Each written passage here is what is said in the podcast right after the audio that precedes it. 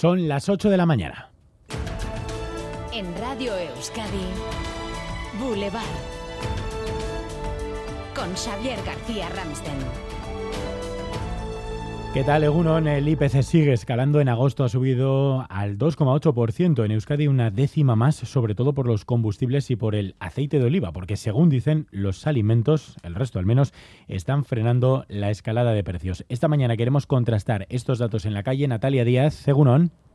Sí, un otro mes que lejos de bajar sigue subiendo el IPC, eh, un 2,7 en Euskadi. Es verdad que se frenan los alimentos, pero desde principio de año un 52% ha subido el aceite de oliva, un 45% el azúcar, un 21% el arroz, cerca de un 20% las patatas, los huevos y un 15% la leche. Un IPC que se sigue acelerando por el precio de productos básicos, aunque se sostiene en su subida, pero sobre todo también ha sido esta vez por los combustibles, un 22,1% ha subido la gasolina desde principios de año, un 8,6% el diésel en lo que llevamos de agosto.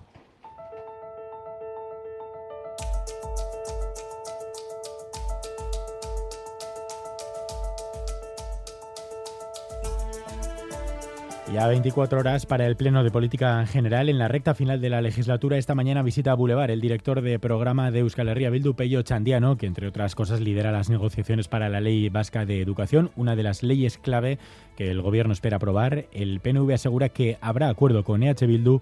El PSE advierte.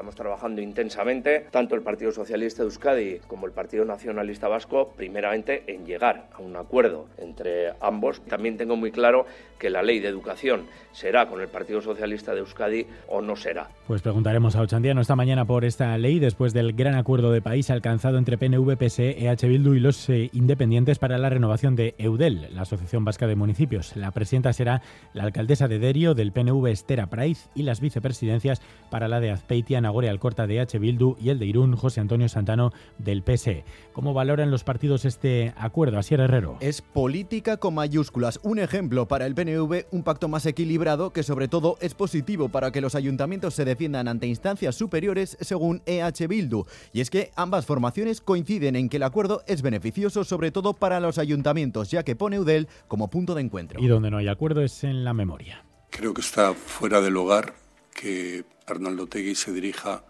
a una persona que está cumpliendo una pena por asesinato como preso político. El portavoz del gobierno vasco, también el propio Lendakari, ha censurado el aplauso de Arnaldo Tegui al remero de Urdaibai que ensalzó a los presos de ETA. Ha recordado que en la concha había también dos huérfanos por ETA. Críticas a Otegui del PNV, del PSE, del Carrequín Podemos, del Partido Popular, también de asociaciones de víctimas y desmarque también de la directiva de Urdaibai que entiende que las palabras de ese remero hayan podido herir sentimientos.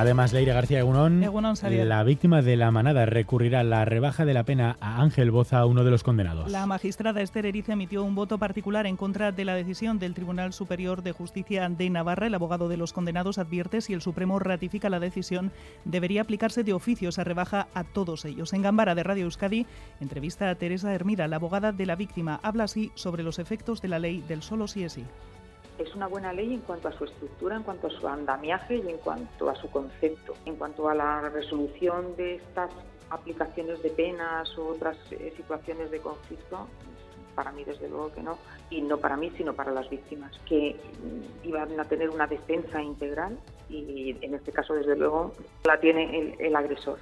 En Gasteiz hoy se va a inaugurar oficialmente el nuevo curso en la Universidad del País Vasco. Se han convocado además protestas coincidiendo con ese acto. Los sindicatos LAP, STE y las comisiones obreras y ELA han convocado una protesta a las 11 en el exterior de la Facultad de Letras. Denuncian que las condiciones laborales del profesorado con contrato temporal son cada vez peores y que se han paralizado las sustituciones del personal docente e investigador a tiempo completo. Ocho bomberos alaveses de la ONG Acción Norte viajan hacia Libia con la prioridad de localizar a supervivientes de las graves inundaciones en el país. Hay al menos 6.000 fallecidos fallecidos y 10.000 personas desaparecidas. A las intensas precipitaciones se ha sumado la rotura de dos presas, lo que ha arrasado por completo varias localidades. Y en Bilbao, según les estamos adelantando esta mañana en Boulevard, aquí en Radio Euskadi, el refugio del Monte Pagasarri va a cerrar mañana sus puertas. Por el momento no hay fecha de reapertura, el dueño se ha jubilado y su encargado, Jesús María Núñez Chuchi, asegura que se siente desamparado. Considera que el ayuntamiento debería redactar un nuevo pliego para sacar esa concesión pues hombre, nos sentimos sobre todo desamparados, ¿no? Porque yo creo que la propuesta que habíamos presentado al ayuntamiento